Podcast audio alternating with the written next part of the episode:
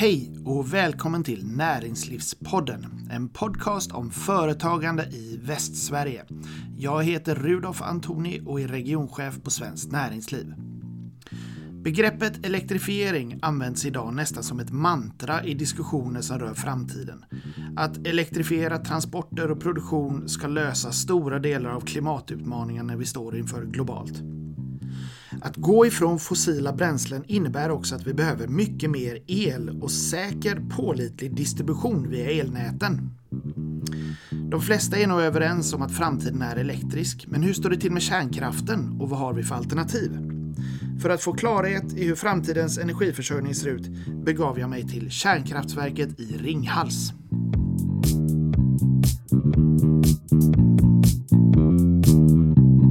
Ja, då sitter jag här med eh, Mats Ladeborn. Välkommen till Näringslivspodden. Tack, spännande. Eh, jag tänkte att eh, du skulle få inleda med att berätta lite grann om dig själv. Vem är du och vad har du för erfarenheter inom energiområdet? Okej, jag har jobbat väldigt länge, 38 år inom energiområdet och de första 27 åren på Ringhals som är ett kärnkraftverk söder om Göteborg och norr om Varberg. Jag har gått den långa vägen. Jag har jobbat allt ifrån på produktionssidan till projektledning i stora moderniseringsprojekt på Ringhals till att vara ansvarig för ett av våra kärnkraftsverk här nere, Ringhals 1, som nu ska stängas till årsskiftet. De sista 11 åren har jag jobbat på huvudkontoret i Stockholm med mer övergripande frågor. På Vattenfall? På Vattenfall, ja. ja. Och ett tag var jag ansvarig för all vår kärnkraftsverksamhet i Sverige men även vår verksamhet i Tyskland under en begränsad tid. Sen har jag också varit ansvarig för att analysera möjligheter att bygga ersättningsreaktorer i Sverige och då på Ringhals under en period. Och de sista fem åren har jag varit ansvarig för en stabsfunktion som eh, ja, tittar på långsiktiga strategiska frågor runt Vattenfalls kärnkraft och vattenkraft. Och det är det som jag jobbar med just nu. Vattenfall är ju, jag, jag, har googlat lite och Vattenfall är Sveriges största producent av fossilfri el. Eh, hur ser den här produktionen ut? Var kommer elen ifrån och hur ser det ut med marknadsandelar och er fördelning och sådär? Ja, Vattenfall levererar ungefär hälften av all el som produceras i Sverige. Och den är som du säger fossilfri. Och i huvudsak kommer vår el ifrån eh, vår vattenkraft och vår kärnkraft. Men vi har också en del vindkraft i Sverige. Och sen eh, någon annan produktion också, biobränslen i eh, våra kraftvärmeverk. Mm. Det här med fossilfri som du säger, det, i, i, debatten så går det ju en, en skiljelinje mellan, mellan fossilfri el och eh, förnybar eh, energi. Va, hur, kan du hjälpa mig att reda ut de begreppen lite grann? Ja, det är ju en, en, fråga som eh, börjar lite fram och tillbaka. Vattenfall använder i huvudsak fossilfri el och eh, vi har ju som vision att vi ska kunna leva fossilfria inom en generation i Vattenfall. Och eh, förnybart, ja, både förnybart och fossilfritt kan man säga har kraftkällor när man genererar elen som inte baseras på kol, gas och olja, alltså inga fossila bränslen. Men när det gäller specifikt förnybart så säger man att den ska återuppstå igen, alltså som sol, vind och vatten. Och vi använder ju fossilfritt för vi anser att det är det som är den viktiga aspekten. Och ska man utveckla detta lite ytterligare så det är väl i princip hela världen överens om att de stora utmaningarna vi har det är klimatutmaningarna. Och eh, att klimatet förändras som det gör beror mycket då på växthusgaser och där koldioxiden är en sådan gas som ser till att påverka vårt klimat. Och därför anser vi på Vattenfall att det är väldigt viktigt att använda begreppet fossilfritt. Det är, det är just eh, från de fossila bränslena som koldioxidutsläppen kommer då? Helt rätt. Mm.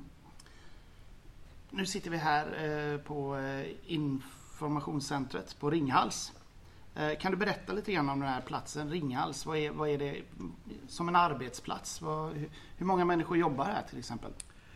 Ja, Ringhals är ju en stor arbetsplats i regionen och eh, man kan säga att den började utvecklas i början av 70-talet där det byggdes då fyra kärnkraftsreaktorer och det var en av Europas största industriarbetsplatser på den tiden. Och eh, sen färdigställdes de här fyra reaktorerna mellan 75 och 83 och har då producerat enormt mycket el, fossilfri el genom åren. Och eh, man kan säga att anställda idag är någonstans eh, runt en tusentalet eh, människor eh, som direktanställda. Men vi sysselsätter ju väldigt många mer. Underentreprenörer, leverantörer till Ringhals. När vi genomför årliga avställningar för att ja, byta bränsle och underhålla våra anläggningar så hyr vi in tusentals ytterligare människor som hjälper oss här då. Så det är en väldigt stor arbetsplats och jag kan säga att det finns yrken alltifrån ja, specialistkunskap inom tekniska områden, ingenjörer, underhållspersonal eh, till mer kan man säga, traditionella yrken som administration och kockar. Och, ja, I princip tror jag alla skulle kunna finna ett jobb på Ringhals oavsett vilken utbildning man har. Det är som ett litet eget mini-universum så att säga. Det kan man säga. Alla ett eget samhälle i samhället är verkligen. Mm, mm. Spännande. Eh, du, du, nämnde det tidigare, den här eh, stängningen av eh, reaktorn 1. Och det har väl även stängts en reaktor sedan tidigare va? Stämmer. Kan du berätta lite grann om den här förtida stängningen? För det, det var inte, de har inte uttjänta som jag har förstått i de här reaktorerna. Eller hur, hur ligger det till med det egentligen? Man kan säga så här att besluten om att stänga Ringhals 1 och Ringhals 2 togs runt 2015. Och då hade vi en plan på att köra dem fram till 2025. Så det är ungefär fem år tidigare vi stänger Ringhals 1 och Ringhals 2. Från ursprungligen så var de inte tänkta att köra så länge utan de har ju moderniserats över tiden. Men vid den tidpunkten 2015 så hade vi en ganska kraftig skatt specifikt på kärnkraft. Vi hade väldigt låga energipriser och vi såg en stor utbyggnad av vindkraft var på gång in. Därför fattade vi beslutet att stänga reaktorerna.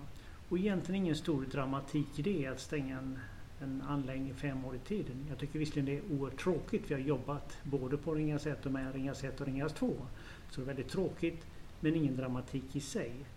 Nu håller vi på att eh, vi stängde Ringhals 2 vid förra årsskiftet. Och vid kommande årsskiftet så stängs då Ringhals 1. Och nu vidtar då en stor omfattning av arbete för att vad vi kallar nedmontera och riva de här anläggningarna. Så under en ganska lång period så kommer det vara mycket arbetstillfällen och mycket aktiviteter för att ta, ta ner de här anläggningarna till vad vi kallar marknivå. Då. Och vad finns kvar här då? Ja, här finns mycket verksamhet kvar. Alltså två av våra reaktorer, Ringhals 3 och Ringhals 4, räknar med att köra i minst vad vi kallar livslängd av 60 år. Alltså in på 2040-talet. Det är absolut inget slutdatum på något sätt. Det är inte alls omöjligt att de kör ännu längre än så. Men det kommer alltså att vara en stor arbetsplats med mycket elproduktion även lång tid framöver. Blir det med stängningen av eh, Ringhals 1 nu, blir det färre, färre jobb här då? Ja, totalt sett så kommer ju Ringhals att anpassa antalet eh, eller behovet av människor här till två reaktorer istället för fyra. Eh, det är inte så att det krävs hälften för att köra två reaktorer för det är en massa grund mm. ja, människor som behövs för att sköta det. Massa infrastruktur och så vidare. Men visst behöver man över tiden anpassa antalet anställda. Okej, men hur ser det ut med vår energiförsörjning idag då? Hur, hur stor andel är det som kommer från kärnkraft egentligen? Ja, historiskt sett så har vi ju sagt att i stort sett så har ju vår elproduktion i Sverige bestått av vattenkraft och kärnkraft och en del kraftvärme och på senare år har vi fått in en hel del vindkraft. Nu minskar ju andelen kärnkraft eftersom vi stänger dels två reaktorer här i Ringhals, Ringhals 1 och Ringhals 2. Och i Oskarshamn så har det stängts två reaktorer för några år sedan också. Oskarshamn 1 och Oskarshamn 2. Det innebär att andelen kärnkraft i den svenska mixen kommer att vara något lägre. Vi kanske landar någonstans runt en 30 procent. Eh, vattenkraften däremot kommer fortsatt att stå ungefär för en 40-45 procent av den elproduktion. Och resten täcks då upp av vind, som har då kommit till i det svenska systemet. Om, om man, eh, det kan kanske är svårt att, att räkna på det så sätt men, men om, om, man skulle ta bort kärnkraften så att säga. Hur, hur mycket vindkraft och, och solcellsparker och så krävs för att ersätta kärnkraften? Du sa 30 procent idag. Ja, det är två energislag som inte helt går att eh, jämföra med varandra. Kärnkraften är som vi kallar planerbar och eh, vindkraften levererar ju när det blåser och kan leverera mycket när det blåser. Men därför säger jag att det är lite svårt att översätta detta rakt upp och ner. Man kan ju titta på ett framtida system utan kärnkraft, vilket man har gjort. Det krävs naturligtvis enormt mycket vind men de måste också hitta någon form av planerbar kraft att ersätta när det inte blåser. Och eh, det är väl det här som de lärda tvistar lite grann om. Hur kommer det att fungera med ett, eh, ett system utan kärnkraft? Och vår eh, ambition är att vi kommer att köra vår kärnkraft så länge de är ekonomiskt och tekniskt eh, lönsamma. Så att vi har en planeringshorisont nu på att köra dem fram till 2040-talet någonting. Men jag ser inte något hinder för att, det, eh, att de kan köra längre än så. Eh, och det kanske inte alla reaktorer. Men för mig är det här viktigt att se till att vi har ett, om jag ser det som ett fossilfri eh, ekonomi framöver. Jag tror ju att vi behöver ställa om våra system ganska kraftfullt för att leva upp till ett fossilfri ekonomi. Och då pratar jag inte bara på elsidan. För att leverera el fossilfritt har Sverige gjort sedan 80-talet i många, många år. Mm. Den stora problematiken är nu att ställa om övriga delar av samhället. Vi pratar om transportsektorn, att införa måhända elfordon. Vi pratar om transport, äh, säga, jordbrukssektorn och framförallt industrisektorn. Att ställa om den till att bli fossilfria. Ståltillverkning och den typen av ståltillverkning, ja, väldigt energikrävande. Mm, absolut, där Vattenfall har en, ett eh, spännande projekt tillsammans med LKAB, SSAB för att göra eh, stålet fossilfritt. Och det här som jag ser att vi måste tänka på en fossilfri ekonomi framöver i hela systemet. Och då kommer det krävas mycket, mycket mer el som jag ser det som. Och den här elen ska ju då vara fossilfri och då får man ju fundera hur ser den här sammansättningen ut runt ja, 2050 kanske då när vi behöver ha kommit ganska långt i de här processerna. Ja, det är ju intressant det där för att vi, det, som du säger, det, frågan om elförsörjning är ju högaktuell. Det pratas mycket om att elektrifiering är lösningen på våra klimatutmaningar. Men hur, hur ser du då på framtidens elförsörjning? Vad är, vilka är de stora utmaningarna? Ja, det är ju den här stora utmaningen att se till att vi har som jag säger, fossilfri ekonomi och då kommer det antagligen krävas mycket el. Man kan titta på olika beräkningar men eh, uppåt uppåt idag ungefär så förbrukar vi 130 terawattimmar heter det el i en mer omställning av hela vårt samhälle så kanske går det åt 200 terawattimmar. Och då krävs som sagt oerhört mycket mer el. Och jag ser det som att det är viktigt att eh, det här blir också gjort på ett ekonomiskt hållbart sätt, att man ställer om hela systemen. Och då tror jag en, någon form av mix av kärnkraft, eh, vattenkraft och vindkraft tror jag är bra. Solkraft kommer också komma till, absolut. Men jag tror det är en, en mix av de här olika, både planerbara energikällor men också förnybara energikällor som är viktigt. Vad, vad, du som har jobbat eh, länge med, med kärnkraft, vad, vad, säger du till dem som, som säger att kärnkraft är föråldrad eh, teknik? Ja, man kan väl säga så att jag tror vindkraft har funnits i tusentalet år så den är också relativt gammal men fungerar väldigt bra idag också. Kärnkraften är också en källa som är väldigt naturlig. Alltså kärn, eh, fysiska processer har pågått i vårt samhälle i, också i tusentalet år. Jag ser absolut inte som en förlegad källa. Det sker utveckling hela tiden. Och just nu så tittar man på vad man kallar små modulära reaktorer. Och eh, det innebär mer eller mindre att man bygger dem modulariserat. Man kan tillverka dem på fabrik. Eh, man standardiserar saker och ting. Och eh, det håller på att komma loss i stora delar av världen nu, framförallt i USA tittar man på de här små modulära reaktorerna. Och jag ser att det kommer absolut att ske en utveckling när det gäller kärnkraftverk också. Skulle det, bara så jag förstår, skulle det innebära mindre kärnkraftverk kanske, men fler lokalt utplacerade så att säga? Det är så planen är att man gör dem mindre per enhet men man kan bygga samman dem till en, en större total enhet.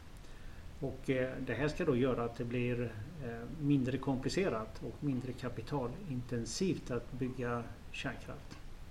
Det eh, talas ju en hel del eh, om elbrist i Sverige idag. Hur ser det ut egentligen med elbrist? Finns det en generell elbrist eller har den att göra med produktionskapacitet eller distribution eller hur ser det ut? Ja, Sverige är ett långt avlångt land och eh, produktion sker i stora delar i norr och eh, man säger, efterfrågan finns i söder. Det innebär att elen måste transporteras ifrån norr till söder. Och eh, då uppstår det en del flaskhalsar. Så visst, ja, det uppstår problematik och man kan ibland säga att det är elbrist eller så är det effektbrist. Det innebär att eh, de här flaskhalsarna behöver på något sätt byggas bort. Och jag tror det är faktiskt en viktig debatt som måste upp ordentligt.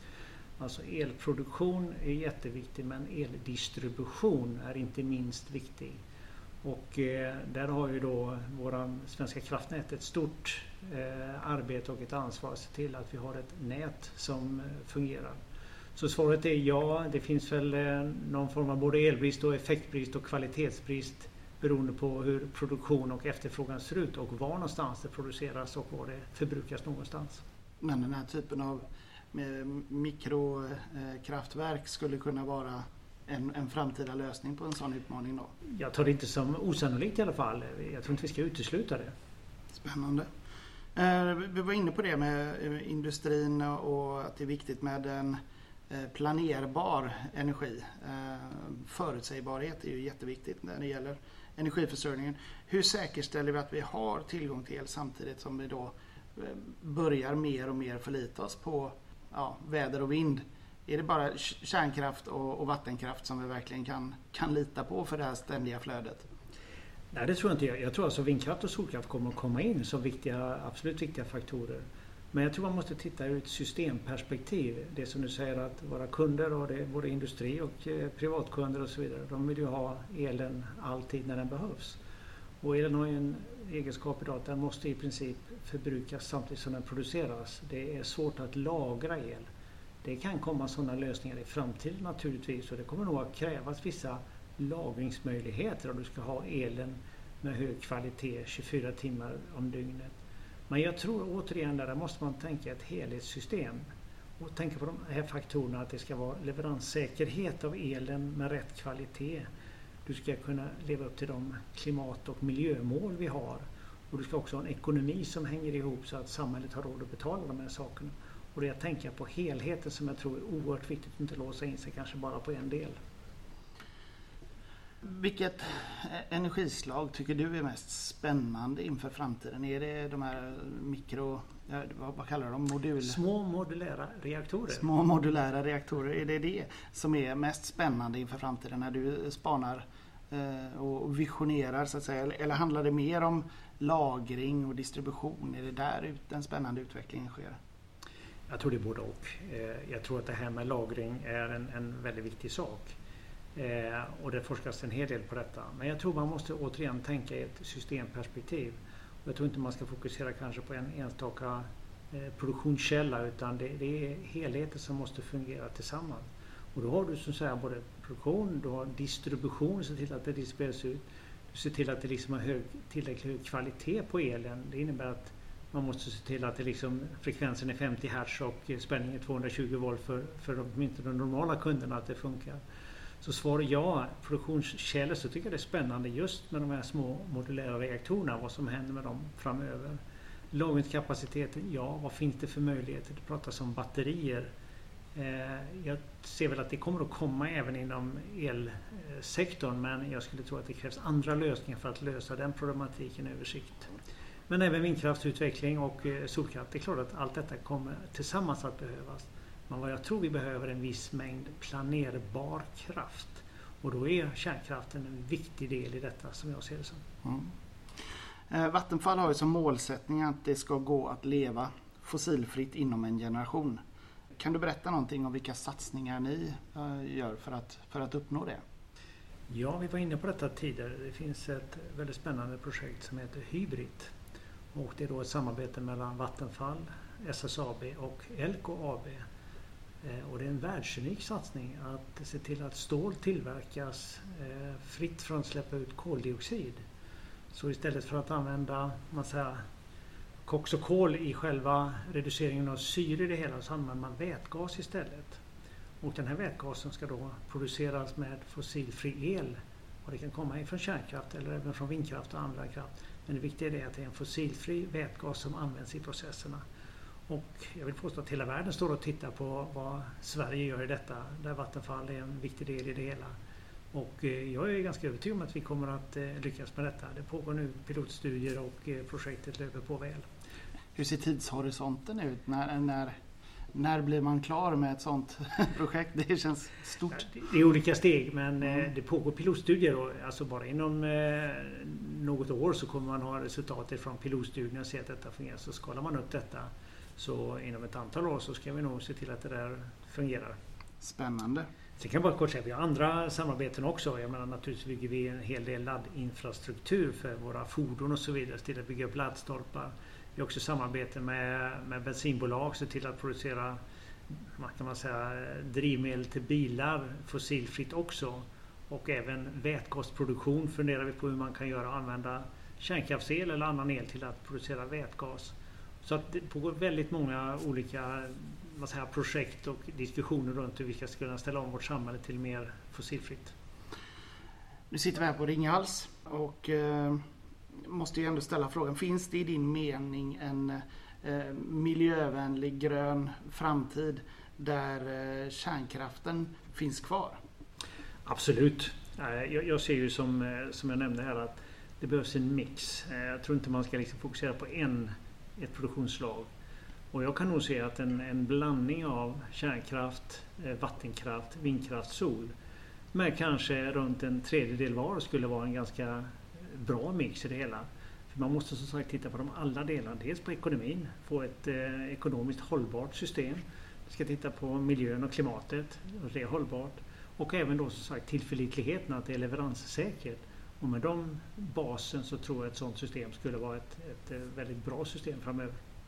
Måste också fråga om eh, lite grann mediebilden av, av kärnkraften. Eh, jag tror att väldigt många har, har skapat sig en uppfattning utifrån, man kanske inte har varit på ett kärnkraftverk, de flesta har inte det. Eh, man har sett tv-serier som Tjernobyl som är väldigt, väldigt bra serie men eh, kanske inte den som får en att, att längta efter mer kärnkraft. Homer Simpson jobbar på ett kärnkraftverk. Hur skulle du säga att mediebilden av kärnkraften har påverkat synen på kärnkraften?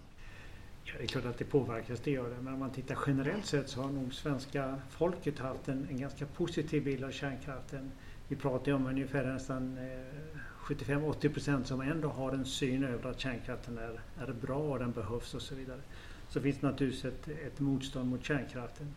Men min bild är väl att eh, ju mer man förstår om kärnkraften ju mer positiv är man till den. Så att vi välkomnar ju alla till, ja, inte kanske nu i coronatid, komma och besöka ett kärnkraftverk. Men att ändå vara påläst och förstå vad är kärnkraft någonting. Det är inte något, något konstigt egentligen. Det är en teknisk process som är väl utvecklad och den sköts på ett säkert och bra sätt. Det får bli slutorden. Mats Ladebom, tack så mycket för att du var med i Näringslivspodden. Tack så mycket. Du har lyssnat på Näringslivspodden, en podcast om företagande i Västsverige. Jag heter Rudolf Antoni och är regionchef på Svenskt Näringsliv.